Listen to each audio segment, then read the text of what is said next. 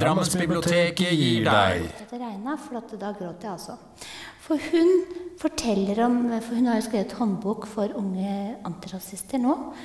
Sen, hvordan hun opplevde å flytte fra Hun kvier seg litt for å lese bøker om dykking, for at du føler kanskje det litt sånn klaustrofobiske og kjenner at det, og, Ja, det kjenner jeg i hvert fall på. og så dør det folk. Om da kjemi egentlig var alkemi. Altså man skulle finne ut hvordan man kunne gjøre andre stoffer til gull. Var hoved, hovedoppgaven. Eller eh, livets eliksirer, hvor man da skulle få evig liv og, og den type ting. Og hvordan det ble mer eh,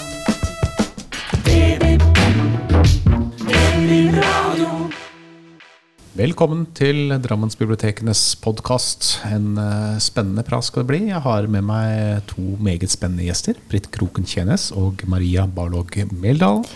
Mitt navn det er uh, Raymond Smith, og det er i bunn og grunn fagbøker vi skal prate om. eh, men i et veldig underholdende perspektiv, vil jeg si. Så om du bare er interessert i skjønnlitterære bøker, så ikke slå av podkasten riktig ennå, for det er, det er, det er spennende likevel, altså.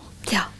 Ikke sant, Britt? Jo, jeg er helt, helt, helt enig i det. Jeg vet jo du bobler over for å eh, prate. Jeg tror det er Jan Grue. Så det er egentlig vi Ja. begynner litt i skjønnlitterære verden Ja, det er, det er, ja, for egentlig skal jeg bare begynne nå. Ja. For Jan Grue, som jeg er stor fan av, da, han har jo gitt ut en bok for, i 2019 som heter 'Jeg lever et liv som ligner deres'. Det er jo sånn i Den står på romaner her hos oss, det veit jeg, men det er jo over i hvordan han opplever øh, det å være funksjonshemma i vår verden, da, i vårt samfunn. Hvordan den, den, den er skrevet på en sånn måte at du det vi ikke vi tenker på, vi som går rundt og ikke har øh, kan gå rundt sjøl og ikke har noe øh, sånne hensyn å ta, vi får virkelig aha-opplevelser, altså hvordan det oppleves og, og da sitte i en rullestol og få den med seg f.eks. på et fly, eller eh, skal inn Og du får alltid sånne særordninger. Du alltid, føler deg alltid utafor. Du føler deg alltid til bry. Og det er altså så fantastisk skrevet om i den boka at alle bør lese den. Og da eh, Og han har kommet med en ny bok nå. Det er den 'Hvis jeg faller', tror jeg det. Hvis jeg faller, ja. Mm. Og den har jeg ikke fått lest ennå, for jeg står på venteliste, da. For den er det mange som vil lese. Det er et godt Mm, tegn det, da, Ja, det er et jeg. veldig godt tegn, altså.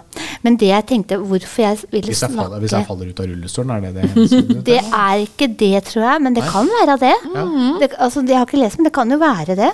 Og hva skjer da, liksom? Det har ikke, Jeg men det er i opplevde virkeligheten. Kom jeg kjørende hjem på gata hjemover, så plutselig så var midt i gata der jeg var, som var Ja. en eh, stakkars hjelpepleier som prøvde å få til en eh, 180 kilos eh, tung mann oppi Å, rullestolen igjen. Og rullestoler kan jo være ganske tunge Ja. også. Ja. ja, veldig tunge. Når det er elektriske, sånn svære. Ja, det der, altså det, men det kan godt være at det er det han snakker Og hvor eh, Men nå vet jeg jo ikke så mye om den boka, men det er i samme gata som den der eh, andre her, altså. Men det at jeg kom til at jeg ville snakke om den nå, det var fordi jeg sykla til jobb nå og hørte på en podkast, en samtale mellom Kamara Joff Lundstad, som jeg er også stor fan av, og Jan Grue. Og de får snakka da om Hun har jo skrevet boka 'Jeg snakker om det hele tida'. Den har jeg lest, den er veldig, veldig god. Ikke sant? Den er sånn at du, du glemmer den ikke. For hun får også, der er det også det med utenforskap, det med diskriminering, det med å bli sett ned på, det med å være annerledes på en måte. da. For hun har jo foreldre fra en pappa fra et afrikansk land og en mamma fra Norge, tror jeg. I hvert fall så, så er hun da i, i, satt i den våsen at du er uh, ut, altså fra en annen kultur på en måte, da. Men hun er jo også helt norsk. Men så er det hvordan hun blir sett på, for den ser litt, uh, litt annerledes ut. da, ikke sant? Altså har en annen hudfarge. Um, og den, det får jeg sagt så satt så ord på i den boka. synes jeg. Ja, og det som jeg syns var så veldig uh, spennende eller liksom interessant med den, og, og fælt, da, på en måte, var noe om det at hun snakka om at hun ble jo litt sånn paranoid, på en måte. At hun ikke helt skjønte liksom, Ok, overtolker jeg det han sa nå, eller det blikket der, var det fordi at de tenkte det og det, eller sa sånn sånn, eller var det bare noe helt annet de tenkte på? Ja. Og at hun liksom hadde en sånn sjekk med en sånn venninne, bare sånn Du, den situasjonen hvordan opplevde du det han sa? Nei, herregud, det var helt ute å kjøre. Bare sånn, ok, Ja. Så bra, for det, Ja. man blir jo sjøl usikker, da. Ja, på hva- ikke sant? Ja. Det var akkurat det. Og det er det er sånn beredskap. Ja, hele tida. For det er Folk sier og gjør ting som de kanskje ikke tenker over, men som blir veldig sånn nedlatende da overfor en som kjenner på sånn litt sånn utenforskap. Når du får det mange ganger om dagen, kanskje, hver dag, Ja. så er det en større opplevelse enn liksom Ja, men jeg sa jo det bare én gang, og så Det burde ikke være så farlig. Ja, men Nei. jeg har hørt det veldig mange ganger Ikke før. sant, det er det. Det har jeg hørt det så mange ganger før. Og sånn som, det var, det var en episode jeg husker nå, hvor hun kom til et møte, og så ble jeg en eller annen grunn litt forsinka. Og det hadde hun vel sagt fra om òg, eller noe. Ja, men det er jo liksom underforstått fra din kultur, så er du ikke så nøye med klokka, på en måte. Hva det ble sagt på en sånn måte. Sånn, sånn drypp hele tida. Ja. Så den boka, den burde Den er jo tynn, men den er altså så um, knakende viktig bok. Og da må jeg få lov til å bare si en gang til. En gang til. Fordi at hun Tinashe Williamson, som jeg ikke klarer å si navnet til, men den hørte jeg også på en podkast nå. Og da var det godt at det regna, for da gråt jeg altså. For hun forteller om For hun har jo skrevet håndbok for unge antirasister nå. Sen, hvordan hun opplevde å flytte fra flerkulturelle Grünerløkka Begynte på skole i Vormsund, tror jeg, et lite sted bort mot svenskegrensa. Og med da eh, brun hudfarge. Og hvor plaga og mobba hun blei. Det var, var en, Jeg må bare si, fortelle om den, for hun hadde bursdag. Og gikk på skolen med matpakke som mor hadde lagd spesielt god. Og gledet seg sånn til den matpakka. Og så skulle hun Jeg blir nesten sånn at jeg begynner å grine. Altså fordi hun skulle åpne den matpakka, og så var den tom. Hun syntes den var så lett, så hadde den bare tatt maten hennes. Og der lå det en lapp. Eh, jeg husker ikke akkurat hva det sto, men det var noe sånn som at du, du fortjener ikke denne maten. Du er en dritt. Eh, sånn. Sånn opplevde jeg stadig vekk. Hadde klassevennene gjort det? Ja, det var det. Og hun var den eneste med den hudfargen i den klassen, så hun kom liksom Følte seg forferdelig utafor og aleine i det lille samfunnet der. Sånn at den boka er altså så viktig. Alle de tre bøkene er kjempeviktige. Og hun var jo, hun, Tinashe Wilhelmsson var jo på Åh, ikke Skavlan. Sorry. Eh, du, du, du, Lindmo. Ja. Ja, Ja, det var hun. som var veldig, veldig eh, sterkt, for å si Ja. det sånn. Så det også, all, det er veldig mange har sett det klippet, tror jeg, Ja. med henne og Fredrik Solvang. Mm, eh, ja. Men hvis du ikke har sett det, så må du gå og Må se det, se det. med en gang. Helt, helt enig, for det, Ja. da satt jeg og grein da òg. Mm. Ja. ja. Nå må jeg roe meg, for nå ble jeg, det ble helt svett, jeg. Ja. Det var eh, Nå ble jeg nesten litt usikker på hvordan vi skal gjøre overgangen til neste bok. her,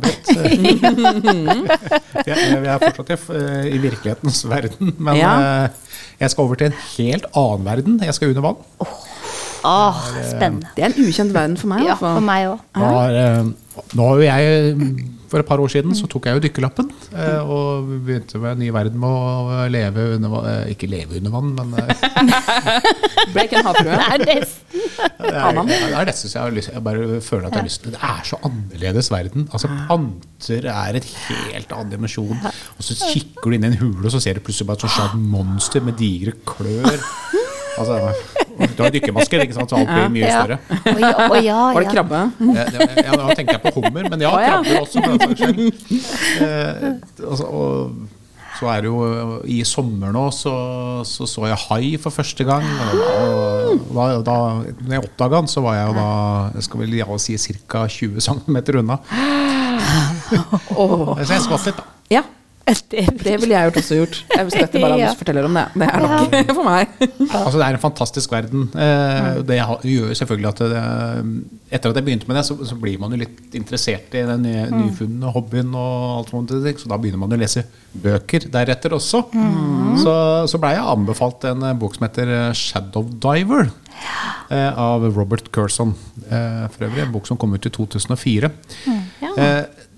Nå snakker vi selvfølgelig dykking på et helt annet nivå enn det jeg driver med. Eh, Jeg dykker liksom kanskje ned til 20, nå har jeg jo lov til å dykke ned til 30 meter. eh, Og koser oss litt. Det er jo egentlig nesten i vannskorpa i forhold til det andre.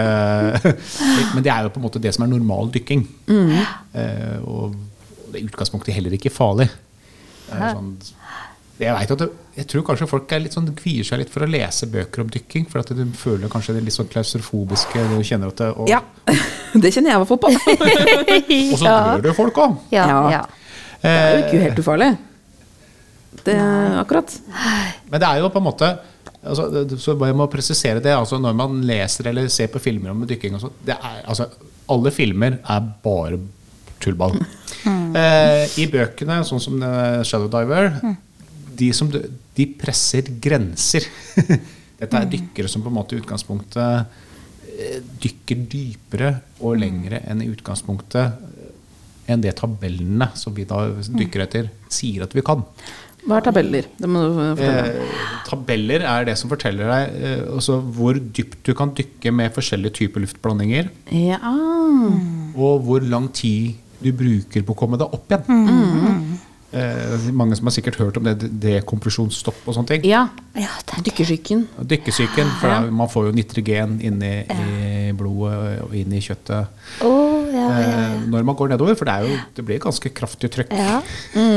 Og hvis du da feilberegner og ikke har nok luft på vei opp Du kan jo ikke skynde deg, for du må ta sånn langsomt. Ja. Er Eller sånn, du må, du, du, da kommer tabellene inn. Ja, ja, ja, Ikke sant? Ja. Så, det, så, så du kan ikke feilberegne. Nei, du kan ikke det, for da dør du. Ja. Ja. Men altså eh, Nei da, du kan, det er ikke sikkert du dør. Ikke på det nivået jeg dykker på. Nei. Nei. Eh, Men i Shadow for Diver? å presisere, men i Shadow Diver. For der dykker de Dette er på begynnelsen av 90-tallet. eh, Og de fant en ubåt på 70 meter. Eh, og så Ifølge boka så, så, så dykker de på vanlig luft. Jeg skjønner ikke det, for alt jeg har lært om dykking, sier at det går ikke. Eh, for, dette, for det, det å dykke med helium, det kom på en måte Det drev vel militæret i USA og eksperimenterte med på den tiden. Men det var vel ikke kommet ut i kommersiell eh, dykkeverden. Eh, For man, man må bruke andre gasser enn oksygen. Oi. For hvis oksygen kommer eh, Eller ikke en oksygen, du må jo ha litt oksygen. Men mengden oksygen da, må jo, må jo endres på. For oksygen kan bli ganske giftig eh, med riktig trykk. Oi. Nå skal jeg passe meg for å si eh, etter noen bestemte eh, dybder, for oksygen kan bli giftig nesten med en gang hvis du har et tank med bare 100 oksygen og sånn. Altså, det, er, det her blir et veldig sidespor. Ja. eh, Og det kan men eh, oksygen var jo, når det kom, så var jo det eh, til jorda var jo det veldig veldig giftig for de aller aller fleste skapningen. Så det var jo massedød på en kjempeskala som aldri har vært sett like. Fordi at det, at det var de der blågrønnalgene som begynte å produsere oksygen, og da tok livet av nesten alt annet som fantes. Så for noen er jo oksygen veldig giftig. Ja, ja, ja. Ja. Det var et sidespor. som Ja, men det er jo nesten på treffende på neste bok. eh, Ja, en liten teaser for neste bok der. Det er, eh, for dere vet at den lufta vi puster i nå, den inneholder 21% oksygen. ja. Det visste jeg ikke, men da vet jeg det. ja. eh, Og så er det eh, så å si nesten resten av det er nitrogen. Eh, et lite forbehold, for det er noen andre gasser inne i lufta også samtidig. Da, men sånn cirka. Eh, men man kan manipulere mengden oksygen på disse trykkflaskene. Og da kan man også å bruke andre gasser, da, så kan man jo dykke dypere og lenger og alt mulig uten at det faller. Ja. I Shadow Diver derimot så drar de det litt langt. og de eh, finner jo da en eh, ubåt fra andre verdenskrig utenfor kysten av New Jersey. Ingen historiebøker forteller at det finnes en tysk ubåt der. Så dette ble jo litt spennende. Altså, det eksisterer rett og slett ikke. Eh, og etter hvert som de begynner å forske det, så er det jo faktisk prøver jo for det første tyske myndigheter å stoppe dem. Oi. Og, og det, det blir en del bråk, da. Ja, så, ja. så, så boka handler liksom mye også om forskningen de må gjøre. Ja. Og de må inn i ubåten for å Mm. finne kjennetegn på hva, hvilken ubåt for, for det er ingen steder som står hvilken ubåt det er. Nei, nei, nei. Skikkelig mysterium fra virkeligheten. Ordentlig et mysterium fra virkeligheten. Det her er jo sånn her, ja, ubåter det, det er jo ganske spennende saker. Ja. Eh, på, for TV-serier og, og krim Ja. og alt mulig. Ja. Det, Det er og det. det dykke dykking er ganske klaustrofobiske saker. Ja, ja, godt. det gjør det. Det skaper spenning, altså. Så, så jeg syns de, de klarer å på en måte fortelle det på ganske sånn kul og spennende Den, den går jo veldig i dybden på, på Richard. Collar og John Chatterton. Ja, De- går i dybden. Går i dybden. Ja, ja. Beklager. Det fikk, jeg fikk det gratis. Eh, på disse to da, som på en måte har ledet de greiene. Men det er, jo, det er jo en svært crew med mennesker som var med ned. Eh, og det Altså, jeg skjønner fortsatt ikke. Altså, etter 30 meter med vanlig luft, så kan, jo, kan man jo fort begynne å få litt eh, rus. Oi. Ja. Ja, ja vel. Man kan jo egentlig få det litt tidligere òg, med alt det som hvor trent du er. og, og sånt. Men, En sånn behagelig rus, eller? nei, du, du, Dykkerrus? blir egentlig drita full. Ja vel. Eh, men der er nivået på mennesker forskjellig. da. Ja. Altså, når du begynner å dykke ned til 40 meter, da er det sjanse. Altså, da er det, du kan trene opp. Eh, det. Dybderus er ganske eh, ikke morsomt. eh, For at, du, alle veit åssen du kan bli når man blir drita full. Da gjør man mye rart. Ja. Eh, Altså under vann da? ja. Men Marginen, det rare med dybderus da, er at når man går litt opp, så forsvinner den. Å ja. Lett uh, avrusningskur. Ja, veldig Ja. lett. Det er ikke, det er ikke noe hangover på flere nei, dager eller timer. sånn, for den nei. saks skyld. Så for all Tips der også til eh, Nei, absolutt ikke. Rus deg litt. Det, og det da er å Å, framprovosere grenser. Ja. Man framprovoserer jo ikke grenser under vann. Nei. Nei. Selv om man ikke kan se den grense under vann. Det er, en spennende, spennende bok, altså. Ja, men er det altså sant? De finner, ja, ja, det er helt Ja, sant. Er helt og de finner ut, uh, de finner ut hva, hvilken ubåt det er. Ja, ja, ja. ja. Og alt mulig. Det, Men det var mye spennende ting på ubåter under andre verdenskrig. Ja. Altså Diverse bomber og sånne type ting. Så det kan jo ikke være helt ufarlig heller. Nei. Å drive og pirke, pirke borti. Det er jo et stort problem mange steder at Ja. man ikke vet hva som er lurt å gjøre med de. Er det Mm. best å ta de opp? Det kan utløse ting. Er det best å la det ligge? Og så ligger det der som en sånn nesten bokstavelig talt tikkende bombe, da, som er sånn Mm. Ja. ja. når er det denne går av? Ja, Jeg vet ikke. Nei, derfor er det nei, heller ingen det. vanlige dykkere som går inn i, i, inn i vrak. Nei. Nei. Eh, no, det er jo på en måte en egen greie. Vrakdykking som man må trene seg opp til. Eh, som er jo veldig spesielt. Og det kommer litt fram her òg, Ja. Roter seg jo litt bort. Mm. eh, Men, men, men dette, her, dette her er jo mennesker som i utgangspunktet er vant til å dykke Mm. uten å kunne se. Uh, Ja, for det er, det er jo stupmørkt under ja, ja. De du, har jo du, litt du tar jo lys, da, alltid med deg men- løkt, ja, men, men, men, men, men hvis du bare kommer borti, borti noe, Ja. inni en båt f.eks., så, så hjelper ikke løkta. Er det okay. sant? Ja. Og jeg har dykka i Oslofjorden. Eh, og hvis du dykker der på våren, Mhm. eh, når ting begynner å renne litt sånn ut fra fjellene med alt mulig, og alle sedimentene som kommer i, i vannet da Mhm. Ja. så, Du kan ha så kraftig løkt du vil, men det blir som å kjøre i eh, sånn snøføyke. Oi, ja, ja, ja. Ja. Du ser ingenting. Det blir sugd opp, liksom? Ja, Lyset så blir sugd. lyset blir helt borte. Er det der tittelen kommer fra? Så shadow diving? Eller er det Det, det, det tror jeg. Ja. For, for de, de dykker på en måte litt sånn i blinde. De leiter altså, det, Nei, men guri, tenk så det, altså, For det første er det klaustrofobisk å vite at du er så langt ned, og så Ja. ser du nesten ikke heller. Ja, det hadde jeg blitt Og så inni en ubåt. Ho, ho, ho. Ja, eller bare under vann i seg sjøl. Ja, så kan ja, komme ja. hva som helst komme. Ja, Altså, ja. Det er min store frykt fra, fra barndommen var Ja. jo sånne mm, vannhavøgler. Ja, eh, diverse Gud. ting som jeg var helt overbevist om at det fantes i sånne små innsjøer inne på Finnskogen. har det med fantasyboklesinga da? eller? Eh, jeg tror det var mer faktabøkene faktisk som tok meg der, om å lese om. Dinosaurer og, og havøgler og, og sånn, Ja. den type ting. Det er så farlige saker. Så du bada ikke inni på de skogsene? Nei, det måtte jobbes mye med meg sjøl, da, for å si ja. det sånn, for å tørre å bade. Eh, så jeg tror ikke det der Men det er en sånn der primær, eller pri- sånn primalfrykt Ja. som fortsatt eh, ligger i meg, så jeg tror ikke jeg skal uh, Ja, nei, det- med dykking da. Det I tilfelle dinosaur. Ja, Ja. ikke sant. Eller noe annet. Men det er, det er ikke snakk om farlige eh, ja, altså, For dykkere flest så er det altså, Farlige dyr eksisterer jo egentlig ikke under vann. Det, det, nei. Nei, de gjør ikke det. Nei. Nei, de, nei akkurat. Det alt er greit. ja. og sånn jeg, jeg skvatt litt når jeg så hai. Eh, Ja, ja, ja. Det var en småfløkket rød hai, som for øvrig også er den eneste typen hai som har angrepet en dykker i Norge. Ja, det var det. Eh, men, eh, men, men, Tenk det. det var jo dykkerens skyld. Ja. Det var ikke haiens skyld at den ble bitt. Nei. Eh, Haier har jo et ufortjent dårlig rykte. For Ja, de har det. ja, det, og det, det, var jo ikke, det, var ikke noe, det var ikke noe, det var jo ikke noe farlig situasjon for dykkeren heller. Nei. Nei, men han mista han hånda si, eller? Nei, nei, nei, Nei, det var ikke så ille. Nei, han bare ble bitt. Han klappa jo på den. Å ja. Ok, det er dårlig, det. Det er dumt. Det vet til og med jeg.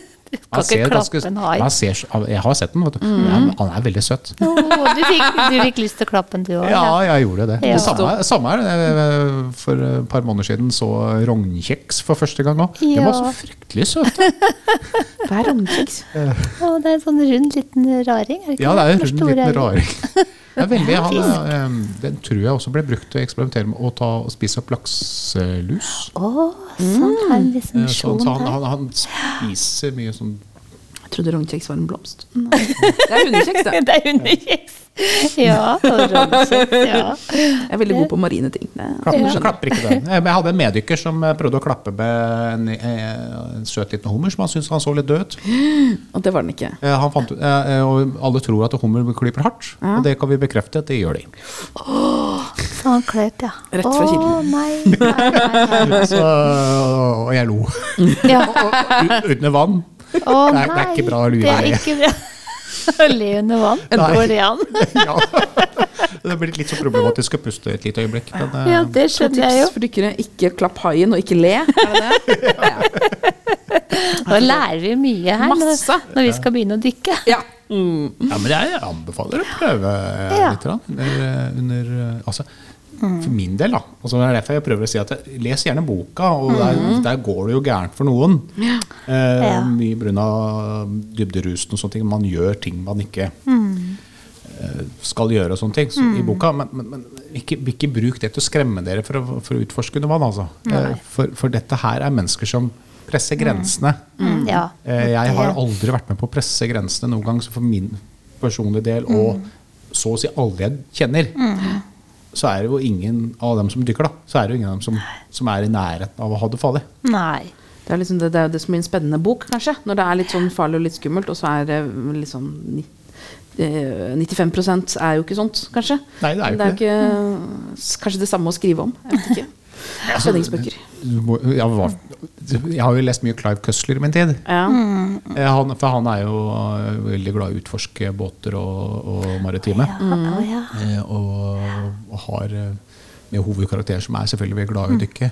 Og der er det jo alltid noe farlig klaustrofobisk. Ja. Ja. eller Ja, ting. Så. For det blir jo, det blir jo spennende. Så Jeg skjønner jo Ja. det. Men når du forteller om dine dykkeropplevelser, så blir jeg så fascinert og får så lyst. Men jeg er så redd for dypet. Jeg er så redd for å være under vann. Jeg liker ikke å være under vann, men det er jo en fantastisk verden under der. Det har jeg jo skjønt. ja, og også er, det, det som er så rart, er at du, trenger bare hvis du, du trenger ikke ha båt. Ikke? Du kan bare gå ut fra, på stranda, og, så, og så senker du deg ned la oss si fem meter. da. Og så er verden så til de grader annerledes enn den du kjenner. Og det er helt annerledes. Det er, altså, det er, og spesielt eh, når man dykker ut på kvelden og det er natta mørkt òg, så, så, så, så er det veldig liv i fisken og hummeren og alt det greiene der. Er det ekstra liv i fisken på kvelden? Ja. Oh. Når det er mørkt, så er det ekstra gøy å dykke. Ja, ja, ja. Enda et tips. Det, husker Ja. først jeg, ble det mye sidespor på dykking her. Men eh, først, jeg hadde med meg en som skulle dykke nattdykk da, for første gang. Mm. Så, så forteller jeg at ja, er det, det er litt spennende, for da, da er det litt mer liv i det. Og sånne ting. Og det første som skjer når vi går ned, så, er det, så går vi ned på en strand. Det er I og for seg ganske dødt akkurat der vi går ned. For vi skal bort til en steinur som det er, jeg vet det er mye fisk. da. Men det første som møter oss, er en hummer. Som er dødsforbanna, tydeligvis, for at vi kommer ned med disse løktene våre. Så det løper mot oss med digre klør. Ja. Og det å, det var slik, oh, for en fantastisk Ja. opplevelse. Og det er det første han får oppleve. Det første oh. sitt sitt. Ja. Ikke sant? Altså, det, er igjen, ikke sant? Når det er Ja. eh, Det var ikke noe farlig med klipping, for vi, vi ligger jo og svever i lufta. Ja, ja. Men det var det, var, det var det morsomt, første vi møtte. Oh. Gøy. Veldig Ja. gøy. Men det er eh, mye oksygenblandinger og, og altså, formler og sånn. Ja. Ja. Oksygen, at det, nitrogen. oksygen, nitrogen og alt det greiene der. Jeg tenker, Er ikke det en fremragende overgang til den boka du sitter med? Maria? Det syns jeg faktisk. Det synes jeg. Først skal du få høre en liten historie. Åh, så Fordi gøy. Ja. I sommer, Det er en veldig veldig liten historie. Men i sommer så var jeg litt sånn turist for en dag i Kongsberg. Eh, og da var jeg på Norsk Bergverksmuseum. Veldig veldig bra museum å være på. Og da jeg kom ut derfra, så var jeg jo full av begeistring for bergarter og grunnstoffer. Det er en sånn kjempekul sånn grunnstoffvegg. Ja, må virkelig gå og se på den. Altså. Så gøy. Og da jeg kom ut der, så ute i museumsbutikken, så så jeg denne boka her, som jo også har en helt fantastisk tittel. Jeg tror det er en av mine yndlingstitler. nemlig Ja. 'Genier, sjarlataner og 50 bøtter med urin'. Historien om det periodiske system og de 118 grunnstoffene. Og det er da skrevet av Eivind eh, Torgersen. Eh, og ja, som sier, altså, det er jo akkurat det du forestiller at boka skal handle om. som den handler om. Eh, du får da historien eh, om oppdagelsen av alle grunnstoffene i det periodiske system. Og hvordan det periodiske system ble til. Um, og man har jo sett det her eh, skjemaet over det periodiske system på, hvert fall på ungdomsskolen. Vet ikke om dere husker dere liksom cirka hva det Sånn handler om? vagt kan jeg huske Det noe ble der. veldig vagt. Ja, altså, det periodiske system det er jo en måte å sortere grunnstoffer på. Eh, og grunnstoffer det er jo da et stoff hvor det bare er én type eh, atom. Som gullatomer, jernatomer, heliumatomer, oksygen, nitrogen osv. Det er forskjellige typer grunnstoffer. Det er ikke blanda med andre ting, altså. Eh, ja, i det periodiske system så sorterer man da altså grunnstoffene. Eh, og de blir da sortert etter hvor mange eh, protoner de har i kjernen sin, eller sagt på en annen måte vekta si. For det har noe å si for hvor tunge de er.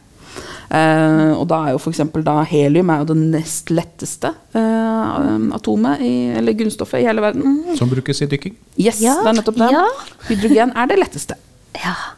Ehm, og det som er veldig kult Mange mange ting er kult med det periodiske system, som man jo lærer om i denne boka her, er jo at måten den er satt opp på, gjør at man kan eh, vite noe om egenskapene til de forskjellige grunnstoffene. Ehm, og det var jo da, når man da utvikla det her eh, Han um, Mendelejev, en russer, uh, utvikla det her, så var jo det da en del uh, hull i det her systemet. Eh, og det er jo fortsatt noen, noen hull. Eh, og da kunne man da bruke det systemet til å finne ut Ok, hva, hvordan bør dette her nye grunnstoffet som vi ikke vet noe om ennå, cirka oppføre seg? Hvis man da følger det her systemet, ok, men det, skal, da, det ligger i nærheten av det, da skal det oppføre seg ganske likt som det og det. At det er de forskjellige kategoriene, da. Ja, så eh, I denne boka her så får vi da oppdagelsen av alle grunnstoffene kronologisk også. Fra liksom de grunnstoffene vi alltid har kjent. Type gull, f.eks. Det har jo menneskene alltid, alltid visst om. Um, og så får man da egentlig alle oppover. Det er ikke like grundig om alt, altså. Det er en tynn og lettlest bok. Um, men det at man gjør det også kronologisk, gjør at du får jo da en del eh, vitenskapshistorie. Eh, F.eks. om da kjemi egentlig var alkymi. Altså man skulle finne ut hvordan man kunne gjøre andre stoffer til gull. Var hoved, hovedoppgaven. Eller eh, livets eliksirer, hvor man da skulle få evig liv og, og den type ting. Og hvordan det ble en mer eh, vitenskap etter hvert. Eh, og så får du høre om litt sånn politisk historie, for det er jo eh, veldig mye mm, eh, Altså, ja, vitenskapsfolk er mennesker, de også. De tilhører nasjoner. Det er ting som skjer. Kriger. Eh, første verdenskrig, andre verdenskrig, kald krig. Og nasjonale følelser og alt sånt har veldig mye betydning for vitenskapen. Og, og også for eh, grunnstoffene og oppdagelsen av dem. Jeg er spent over den der 50 bøtter med urin. Ja, da. Er- Ja, ikke sant? Jeg, jeg tenker på at det er jo egentlig det. Hvis jeg ikke tar i feil, så er det vel ammoniakk. Eh, vet du hva, Jeg husker ikke hvilket grunnstoff det er akkurat nå. Men uh, ammoniakk er vel et eget grunnstoff. Nå må jeg, uh, vet du hva, Skal vi slå opp og se? Ja, det For det er en veldig fin sånn altså. tabell her oh, foran. hvor Man kan drive og kose seg med. Ja. Alltid så lett å se. Vet du, hva, det Sånn umiddelbart så ser jeg den ikke. Nei, da Men helt det. Men ammoniakk er jo veldig god mye av i, i urin. Absolutt. Ja, ja. Eh, og det er jo en del om alle de tilfeldighetene som gjør om hvordan noen får æren for å oppdage et grunnstoff eller ikke. Altså Noen sendte det brevet inn til et tidsskrift to uker seinere enn noen andre. Og da er det noen andre som får æren eh, for det. Og, og veldig mye Og da forsvinner man jo litt ut av historien, da. ja. Hvis du er to uker for seint ute. Ja, for hvordan vet man at nå har jeg funnet et grunnstoff? Ja, det er, et, eh, det er jo et vanskelig spørsmål. Ja. og det er jo mange som har gått på noe feilskjær der og trodd Ja. at de har funnet ut grunnstoff, og så har de egentlig funnet ja, men dette her er en blanding av veldig mye andre ting. Ja. Eller dette her er egentlig noe annet. Eller vet du at det her er bare tull, det du har funnet. Uh, så det er jo også om den der hvordan finner du ut det å bestemme hva et grunnstoff er for noe. Hele den her utviklinga eh, får man i den boka her på ganske Det er ikke så veldig stor bok. Nei, jeg det er skulle jo tro at når det handler om et så stort tema, at dette Ja. skulle blitt en bibel på nesten 1000 sider. Liksom. Ja. Ja, men den er eh, veldig lettlest, uh, syns jeg. Og, Ja. og veldig morsom. Altså som det med 50 bøtter urin, det er jo gøy. Tiss er gøy. Ja, Alltid. alltid.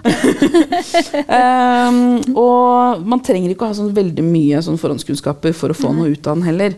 Uh, jeg tenker at det, Hvis du syns at en bok om det periodiske systemet og grunnstoffet høres gøy ut, så kan du nok til å lese den. Ja. Det er det, det er mitt ja, utgangspunkt. Uh, han her er jo en uh, journalist, så han er jo ikke, um, ikke forsker, og noen ganger så hjelper jo det. Det- og på en ja. måte å ikke kunne Han er jo en entusiast. Så jeg tenker at dette er også en bok for andre entusiaster. Mm. Um, absolutt. Vil, uh, vil anbefale til absolutt uh, alle. ja, så bra. En entusiastisk bok om grunnstoffer. Ja. Ja. Skulle ikke tro at det fantes, men Nei, det gjør det nei, men det gjør det faktisk. Det fins bøker om alt. Det er jo bare Ja. Det er så mye man kan lære om. Ja. Og det er gøy. Spennende. Jeg vil jo si at vi har vært innom eh, Vi har vært inne i fagbokens verden, eh, men i alle dens yttersjanger, så å si. Nesten Nei, ikke alle yttersjangere. det har Vi har ikke vært innom eh, skolebøker og sånn. Nei, Nei, mange sider av virkeligheten. Kan man Ja. si. Mange sider av virkeligheten har vi vært innom. Høyt og lavt og dypt ned og opp i himmelen. Vi har jo vært uh, Ja. rundt omkring. Ja. Spennende. Eh, Maria Balog Medalen og Britt Kroken Kjennes, mitt navn det er Rama Smith. Og eh, redaktør for eh, podkasten er Jørgen Hovde. Takk for oss. Takk for oss, ja.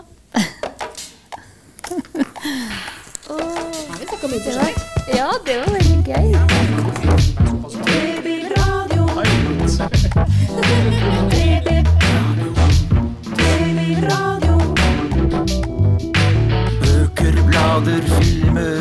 Aviser.